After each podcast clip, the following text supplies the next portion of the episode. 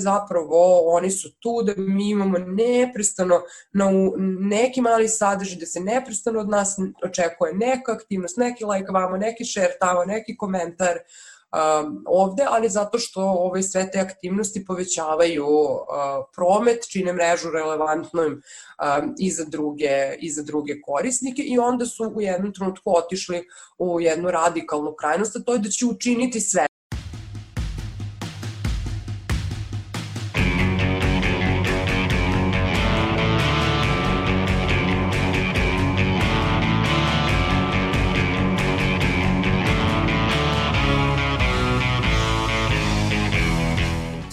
podcast Reaguj, nezavisnog društva novinara Vojvodine.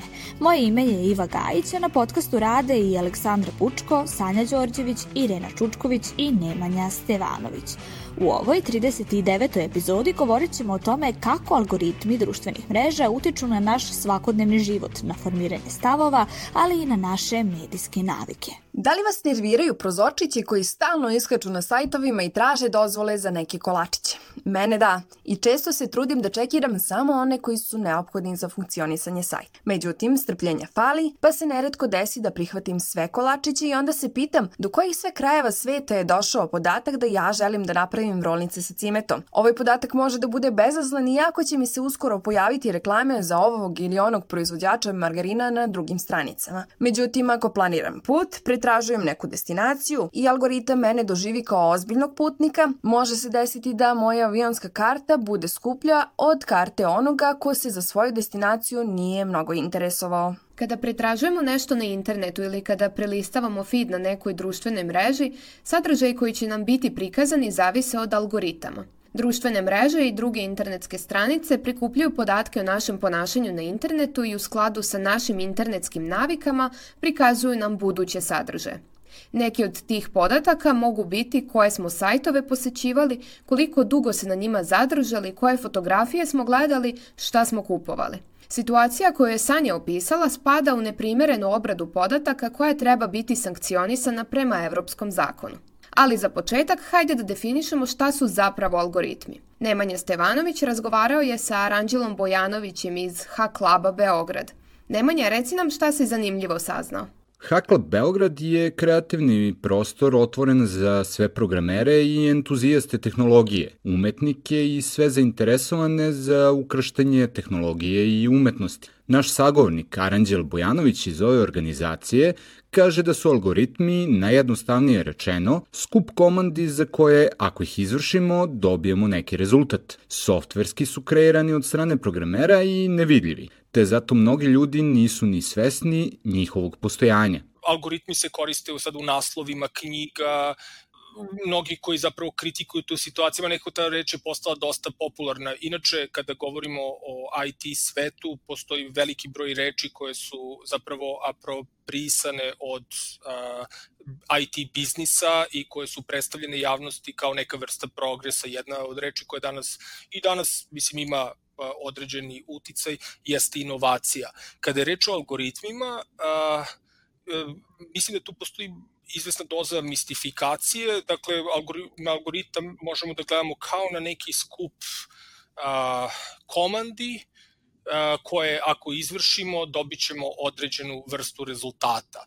I sada ono što rade programeri, oni e, zapravo kodiraju algoritme, oni kodiraju te postupke u određenom programskom jeziku i ono što mi koristimo na kraj, kao krajnji korisnici jeste nekakav softver koji su ti programeri dakle programerski rad je ono što je ispod ono što mi ne vidimo, softver je ono što mi zapravo koristimo i sa čim interagujemo. Ali zapravo ono što programeri rade, oni kodiraju dakle algoritme. Kako kaže IT stručnjak Bojanović, algoritmi se mogu koristiti u najrazličitijim sferama, a društvene mreže svakako su jedno od polja njihove primene. Dakle, tu postoje sad određeni algoritmi koji definišu uh, kako uh, se te informacije nama serviraju. I one često funkcionišu tako što se grupa ljudi uh, koji rade u kompaniji dogovori oko toga, oko ciljeva zapravo kako će aplikacija da radi, koji su ciljevi aplikacije i u tom smislu oni definišu kako bi trebalo sada određeni modul tog softvera, znači određeni, kako bih rekao, deo tog softvera da radi, koju bi vrstu informacija trebalo da pruža i onda programeri prosto to u formi nekog programskog jezika sve definišu i, i onda mi kao krajnji korisnici prosto imamo interakciju sa tim softverom. E, na određeni način. Ali e, ono što je tu sad zanimljivo, što sam sam sebe nekako, e, mislim da ovo, ovo što sam pomenuo sa ciljevima, znači mi uvek treba kada razmišljamo o algoritmima da s jedne strane postavimo pitanje koji su ciljevi određenog, određene kompanije koja nam pruža određenu, određeni servis na internetu i koji su naši lični ciljevi Dakle, s jedne strane postoji taj problem u vezi sa privatnošću i drugo pitanje je vezano za to kao koje mi ciljeve kao pojedinci imamo ili kao, kao društvo, a s druge strane koje ciljeve imaju te kompanije čiji softver koristimo i u tom smi tu može da dođe do izvesnog raskoraka. Sagovornik podcasta reaguje i pojašnjava i u čemu je problematika sa ovakvim prikupljanjem podataka korisnika.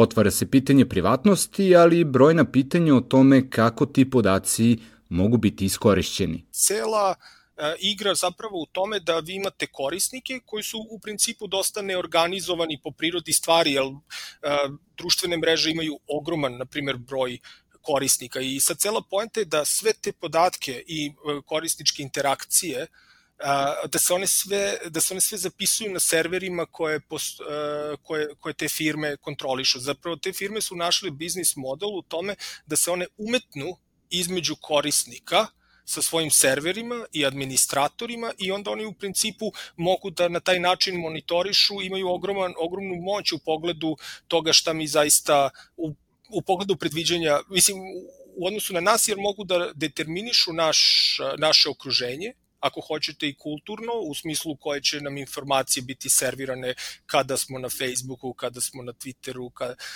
kada smo na nekoj drugoj e, društvenoj mreži ili kad koristimo prosto neku drugu aplikaciju. U tom smislu e, tu se otvara to veliko pitanje nejednakosti koje jeste zapravo jedno od pitanja koje je vezano za samu privatnost, jer ako vi imate neki entitet koji ima nesrazmerno veću količinu podataka nego svako od nas pojedinačno koji ima, onda je jasno da ta, ta entitet ima mnogo više moći, jer zapravo ima informacije o nama koje u koje mi nemamo uvid, to je jedan, jedna kritika. Druga kritika bi bila ta da se te informacije lako pretvaraju u novac, dakle kroz prodaju reklamnog prostora da pojednostavim. Dakle, zaključujemo da su društvene mreže samo na izgled besplatni servisi. Prilikom kreiranja naloga, korisnici se moraju saglasiti sa određenim uslovima korišćenja, koji podrazumevaju i načine prikupljanja podataka. Bojan Perkov, istraživač u Share fondaciji, objašnjava da korisnici često nisu svesni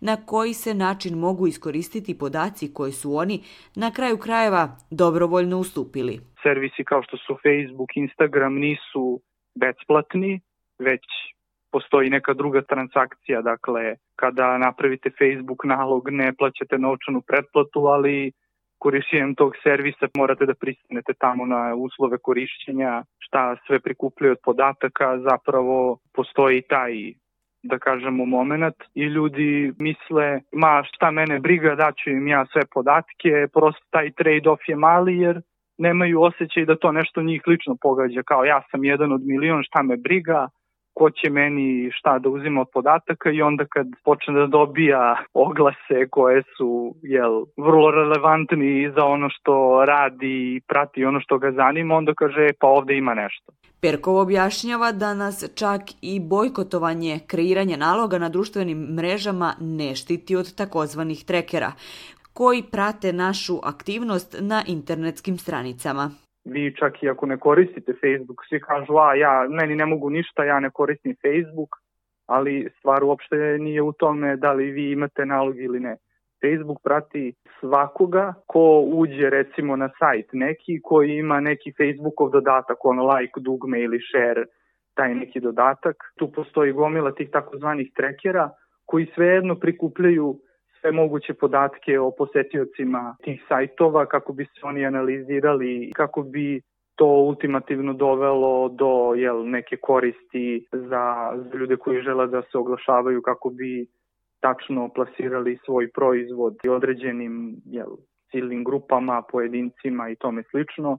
Sagovornik podcasta Reaguj Bojan Perkov kaže i da je pored samog prikupljanja podataka problem i netransparentnost poslovanja velikih IT kompanija. Mi zapravo ne znamo i nemamo nikakve informacije zato što je to s jedne strane strogo čuvana poslovna tajna naravno jer je u pitanju stvar od velikog značaja za biznis model najvećih IT kompanija na svetu i vi ne možete sa sigurnošću da kažete a nisam siguran ni da mogu ljudi koji rade u tim kompanijama kao što su Facebook, Google, YouTube, Instagram i tako dalje, zašto vam se baš određeni post e, na Facebooku pojavio u news feedu ili određena slika određene osobe na Instagramu, kako se pojavljuju ovi recommended, odnosno preporučeni videi na YouTubeu, šta se tu dešava. Tu ima jako malo transparentnosti, a sa druge strane uticaj je ogroman, jer vi danas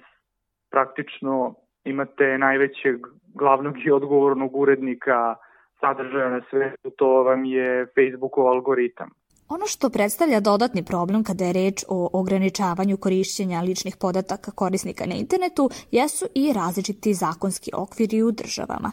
Sanja je istraživala kako izgleda novi zakon o zaštiti podataka o ličnosti u Srbiji. Ovaj zakon stupio je na snagu u avgustu 2019. godine, a oslanja se na opšte uredbe o zaštiti podataka ili GDPR koji predstavlja zakon Evropske unije, a koji je izašao godinu dana ranije, odnosno 2018. godine. Po novom zakonu o zaštiti podataka o ličnosti, onaj ko sakuplja podatke to mora da čini na pošten i transparentan način prema osobi čije podatke prikuplja. Mora da navede svrhu prikupljanja podataka, a sme da prikuplja samo one podatke koji su mu potrebni za tu svrhu. Ništa preko. Podaci treba da budu ažurni i tačni i ne smeju da se čuvaju duže od onoga što je predviđeno svrhom.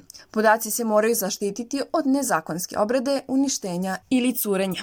Jedna od novina koje smo dobili ovim zakonom je i pravo na zaborav. To znači da možemo da tražimo da se neki naš podatak zaovek obriše sa interneta. Dobili smo i pravo na prenosivost podataka, što znači da od kompanija koje se bave ličnim podacima možemo da tražimo sve podatke koji se tiču nas. Međutim, postavlja se pitanje šta sve spada u podatke o ličnosti koje je moguće zaštititi. Aleksa V. Anđelković, advokat i partner u VOK advokati iz Beograda, za podcast Reaguj navodi da je tim potezom srbijanska regulativa stvorila slični pravni osnov kao u Evropskoj uniji kada su u pitanju načela, primeri, principi obrade podataka i zaštite podataka o ličnosti. Od avgusta 2019. godine, kada je krenuo da se primenjuje ovaj zakon, počele je regulacija kada su prikupljanje i obrada podataka o ličnosti u pitanju. Šta se smatra za sakupljanjem podataka o ličnosti i obradom podataka o ličnosti? Svaka radnja naročito online koja se odnosi na podatke o ličnosti, smatra se radnjom sakupljanja podataka i obrada podataka o ličnosti.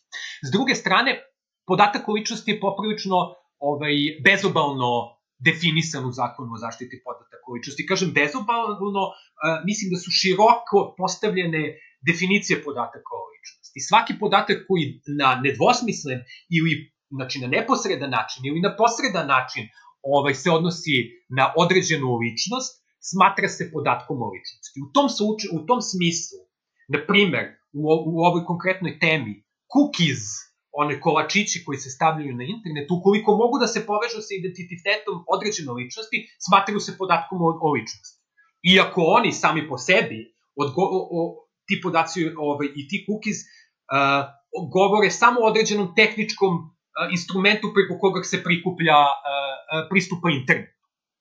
Međutim, imajući u vidu da često ovi poda, uh, cookies govore, su povezani i sa podacima o ličnosti i na njih se primenjuje odredbe zakona o zaštiti podataka o ličnosti. Naš sagovornik navodi da se građani mogu zaštititi na dva načina. Prvo ističe postojanje poverenika za informacije od javnog značaja i zaštitu podataka o ličnosti kao instituciju koja je tu da sprovodi i kontroliše primenu zakona o podacima o ličnosti. Jedan nivo je institucionalni nivo. I tu ukazujem na e, postojanje, praksu i ovošćenja poverenika za zaštitu podataka o ličnosti informacije od javnog značaja u Republici Srbiji. Kao organa koji je nadležan za e, sprovođenje i kontrolu zaštite podataka o ličnosti u Republici, u, u Republici Srbiji. Dakle, institucionalno uvek imamo nekom kome možemo da se obratimo. To je poverenik za informacije od javnog značaja. Uh, njegova praksa u poslednje vreme, naročito od 2000 od stupanja i početka primjene novog zakona o zaštiti podataka o ličnosti, ide u, prav, u, u, u pozitivnom pravu. Određeni broj uh, tech companies, odnosno kompanija čije su, su isključivi rad se zasniva na, na, na pružanju usluga uh, na internetu, uh, imenovao svoje lokalne predstavnike.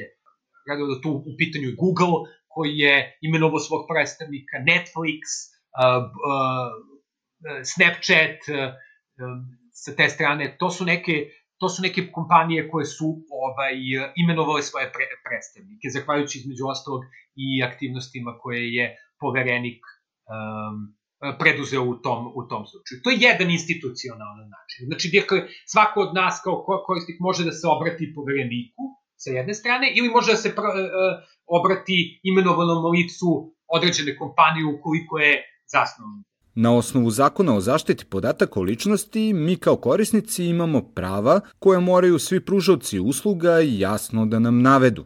Međutim, advokat Anđelković ističe da ta prava još neko i zna, ali da su redki oni koji čitaju uslove korišćenja i deo zaštiti podataka, a tu se kriju detalji. Koje su to prava ovaj, koje vam zakon o zaštiti podataka o ličnosti daje? To je da u svakom trenutku pre nego što krene obrada podataka o ličnosti, lice koji obrađuje podatke o ličnosti, na primer, Netflix, kada ovaj pristupite ovaj, i ulogujete se na kompjuter, on mora da vam da informaciju o pravnom osnovu na osnovu koga skuplja podatke o ličnosti, sa jedne strane, i s druge strane određenih načela i principa na osnovu kojih ti podaci obrađuju i dalje deo. Sa jedne strane moramo da kažemo da to zvuči sjajno, ali je potrebno sa druge strane da znamo da često smo mi u poziciji da do, želimo određenu uslugu i da nismo spremni da do kraja istražimo ona prava koja mi imamo ovaj, uh, kao korisnici tih usluga. Privacy policies određenih sajtova se redko čitaju, a verujem da bi ovaj, uh, kada bi se čitali detaljnije i kada bi se čitali onako kako su pr pr propisani, bi ovaj, saznali mnogo zanimljivih, mnogo zanimljivih stvari o načinu na koji se podaci o ličnosti obrađuju i kojima se sve ustupaju. Koji su sva ta treća lica kojima mi ustupamo podatke o ličnosti. Ono što je sada već jasno jeste da je reč o obilju naših ličnih podataka za koje internetski giganti tvrde da ih anonimno obrađuju.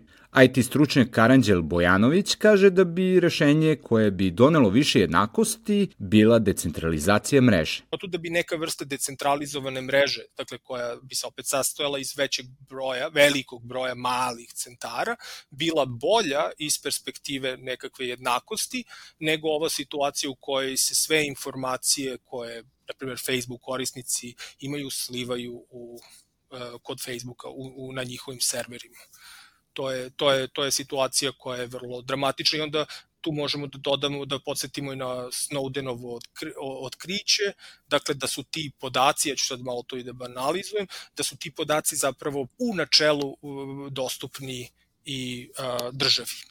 Tako da iz te perspektive gledano situacija je dosta dramatična, posebno ako želimo da se bavimo nekim aktivizmom, ako želimo da menjamo neke stvari, moramo da znamo kako da se zaštitimo uh, i kako da zaštitimo uh, ljude sa kojima se organizujemo, da njihove informacije, pošto je jedan problem sa davanjem informacije, odavanjem sobstvenih informacija online i taj da mi često odajući sobstvene informacije, odajemo informacije e, o drugim ljudima sa kojima smo u kontaktu. U nekoliko navrata pokazalo se da korisnički podaci koje svesno ili nesvesno ostavljamo na društvenim mrežama mogu biti zloupotrebljeni i kako bi se manipulisalo, na primer, izbornim procesima. Najpoznatija ovakva afera jeste Facebook Cambridge Analytica iz 2018. godine. Docentkinja na oceku za medijske studije Filozofskog fakulteta u Novom Sadu, Jelena Kleut, kaže da smo i na prošlim američkim izborima i tokom kampanje za Brexit mogli da vidimo da ti prikupljeni podaci o korisnicima društvenih mreža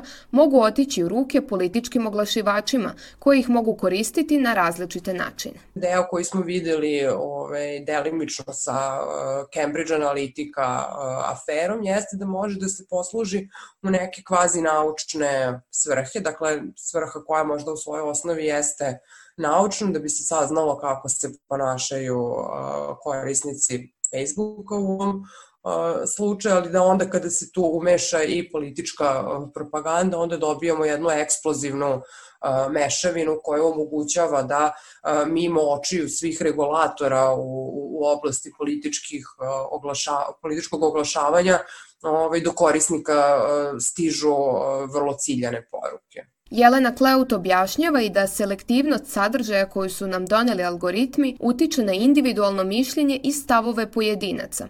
Nije reč samo o tome šta ćemo kupiti, već i šta ćemo misliti. Kako kaže, svi smo skloni da se izlažemo sadržajima koji su u saglasnosti sa našim vrednostima i našim pogledima na svet. A onda u toj želji da nam društvene mreže ponude ono što je relevantno za nas, one nam nude samo to, potvrdu naših stavova bez mogućnosti da nas izlože nekakvim drugačijim mišljenjima. I onda iako na mikronivou vi možda imate zadovoljnog, na tom individualnom nivou zadovoljnog uh, korisnika ovaj, koji se rado vraća društvenim mrežama zato što ovaj, tu nalazi samo potvrdu svojih uh, stavova na globalnom nivou vi dobijate zajednice koje ovaj, uh, zaista ne znaju šta drugi sugrađani misle o određenoj temi, ne znaju šta opozicione stranke, odnosno na onu za koju se birač opredeljuje, misle o određenoj temi, nude na određenu temu i najvažnije, no vi zapravo nemate nikakav filter onoga što su relevantne, proverene i koliko toliko tačne informacije, zato što to uopšte nije mera i kategorija koju ove društvene mreže prepoznaju kao kao važnost. Cloud kaže i da okosnica rada algoritama svih društvenih mreža jeste da su oni napravljeni tako da neprestano vraćaju korisnika na tu platformu na različite načine. Krajnji cilj ovoga jeste profit. Zapravo oni su tu da mi imamo neprestano na neki mali sadržaj, da se neprestano od nas očekuje neka aktivnost, neki like vamo, neki share tamo, neki komentar, ovde, ali zato što ove sve te aktivnosti povećavaju uh, promet, čine mrežu relevantnom um, i, za druge, i za druge korisnike i onda su u jednom trenutku otišli u jednu radikalnu krajnost, a to je da će učiniti sve, da, dakle da je potpuno sve jedno koje mi sadržaje šerujemo, koje lajkujemo, dok god smo mi Uh, tu. Sagovornica podcasta Reaguje Jelena Kleut dodaje i da se stvari na ovom polju društvenih mreža ipak polako menjaju. Naročito kod Twittera vide se značajni pokušaj da oni sadržaj koji su prošli kroz nekakve provere budu istaknutiji, vidljiviji i dostupniji korisnicima. Facebook je takođe pred ovogodišnje američke izbore načinio neke korake, dok YouTube ostaje po strani, iako je on važna platforma za informisanje mlađih generacija vidimo zapravo pokušaj da se ovaj to pitanje ovaj tačnosti i ovaj e, validnosti određenih e, navoda nekako uključuju tu algoritamsku e, obradu, s tim što i tu moramo da dodamo, tako tu onda više imamo nekakvo eksterno a, a, a, oblikovanje algoritama pre nego da se oni prave da u startu budu ovaj, korisni za zajednice na globalnom nivou. I to ono što mislim da a, predstavlja a, a, bojazan ovaj, svih nas zemalja koje se nalazimo na periferijama interesa globalnih internetskih giganata. To je dakle oni te svoje algoritme ovaj, ne menjaju toliko strukturno, dakle tako da one zahvate ovaj, ceo svet, nego mnogo više ovaj, rade tamo ovaj, gde prepoznaju da je da je neki ovaj urgentni problem kao u njihovim matičnim zajednicama ovaj, u zemljama Amerike i zapadne, zapadne Evrope. Govoreći o fenomenima društvenih mreža, naša sagovornica kaže da je neke njihove parametre dosta teško istražiti klasičnom naučnom aparaturom. Ipak objašnjava da neka poslednja istraživanja pokazuju da fenomen takozvanih eho odaja na socijalnim mrežama ipak nema toliko velike posledice kao što se u početku mislilo.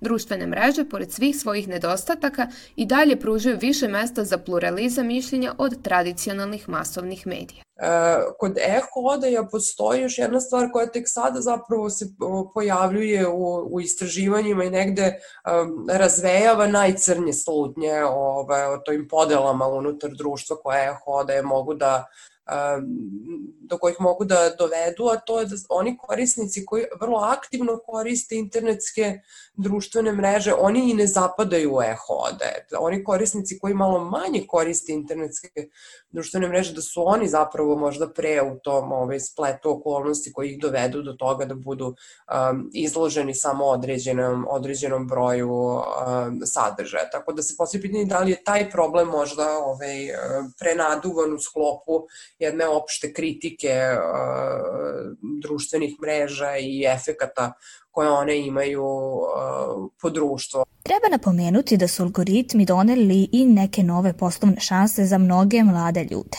Upravo zbog algoritama čitav sektor digitalnog marketinga je procvetao.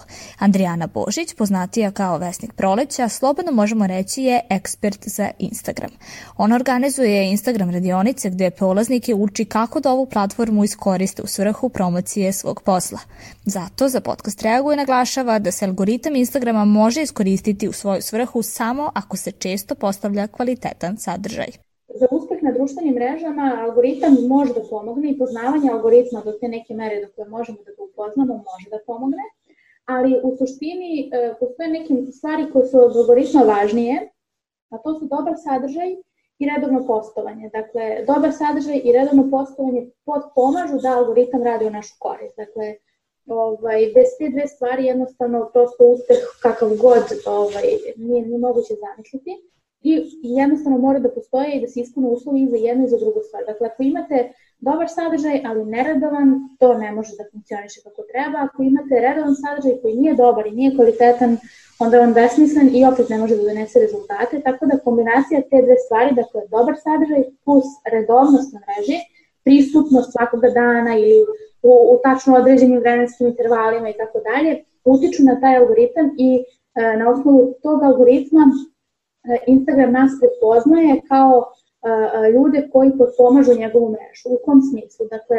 prilično je jasno da Instagram funkcioniše kao kompanija, odnosno zarađuje novac od plaćenih reklama koje u njega investiraju velike kompanije. Naravno, investiramo i mali preduzetnici i mislim bilo ko može naravno da uplati sponzorstvo na Instagramu, ali hajde da kažemo da se taj neki veliki novac sliva iz nekih velikih kompanija. Ipak, iako su nam algoritmi doneli i neke pozitivne stvari i omogućili nove vidove zaposlenja, naročito za mlade, treba da se trudimo da čuvamo svoje lične podatke na internetu. Bojan Perković Share fondacije kaže da postoje načini da korisnici interneta i društvenih mreža zaštite bar deo svojih podataka. Za početak da probamo da na neki način imaju ti različiti dodaci, recimo za brauzer imaju ti različiti ad blocker, ima recimo Facebook container, dodatak za Mozilla Firefox koji vam stavlja Facebook u ovaj određeni poseban tab koji je samo za njega kako Facebook ne bi gledao šta vi radite na drugim sajtovima dok ste ulogovani na Facebook recimo. To su neki početni koraci, ali opet dok to ogroman broj ljudi ne počne da primenjuje, pitanje je koliko to može da utiče zapravo na profite ovih najvećih IT kompanija. Najjednostavnija stvar je zapravo da se insistira na tome da u kontekstu tog prikupljanja te obrade podataka, podaci o ličnosti građana budu zaštićeni. I tu postoje inicijative i posle GDPR-a sad se čeka i taj novi propis o e-privatnosti u EU koji može da doprinese tome, ali pitanje je sad usled svih ovih okolnosti šta će biti i Evropska unija i možda ima sad i neke druge prioritete i tako dalje. Kako se niko nikad nije obogatio tako što mu se nigerijski princ obratio za pomoć, evo i par saveta sektora za visokotehnološki kriminal Ministarstva unutrašnjih poslova kako se zaštititi na internetu. Pre nego što nekome pošaljete informacije o sebi, saznajte kako će se oni koristiti i kome će biti prosleđeni. Nemojte odgovarati na spam mailove, osim ako niste sigurni da poznajete pošiljoca, pa čak i ako je gospodin James Jota, koji bez razloga želi da mi pošalje milion dolara na račun. Datum rođenja, broj telefona, adresu stanovanja i slične podatke ostavljajte samo ako dobro poznajete onog kome podatke dajete. Lozinku nemojte nikada automatski da čuvate i menjajte je često. Svoje profile na društvenim mrežama zaključavajte, a svoje fotografije ljubomorno čuvajte od očiju onih koje ne poznajete. Ovim odjavljujemo i 39. izdanje serijala Reagu i podcasta Nezavisnog društva novinara Vojvodine, u kojem smo govorili o uticaju algoritama na naš svakodnevni život. Podelite ovo izdanje na socijalnim mrežama, na Facebooku, Twitteru i Instagramu i pomozite nam da nas algoritmi zavole. Čekamo vaše komentare, ideje i predloge tema i to na adresi podcast.ndnv.org. Naš rad možete pratiti na kanalima na iTunesu, Stitcheru, Castboxu, Sounderu, Google podcastima, kao i na sajtu podcast.rs. Ukoliko želite da nas podržite, uradite to baš šerovanjem, komentarom, deljenjem svoje priče ili preko sajta donations.ndnv.org.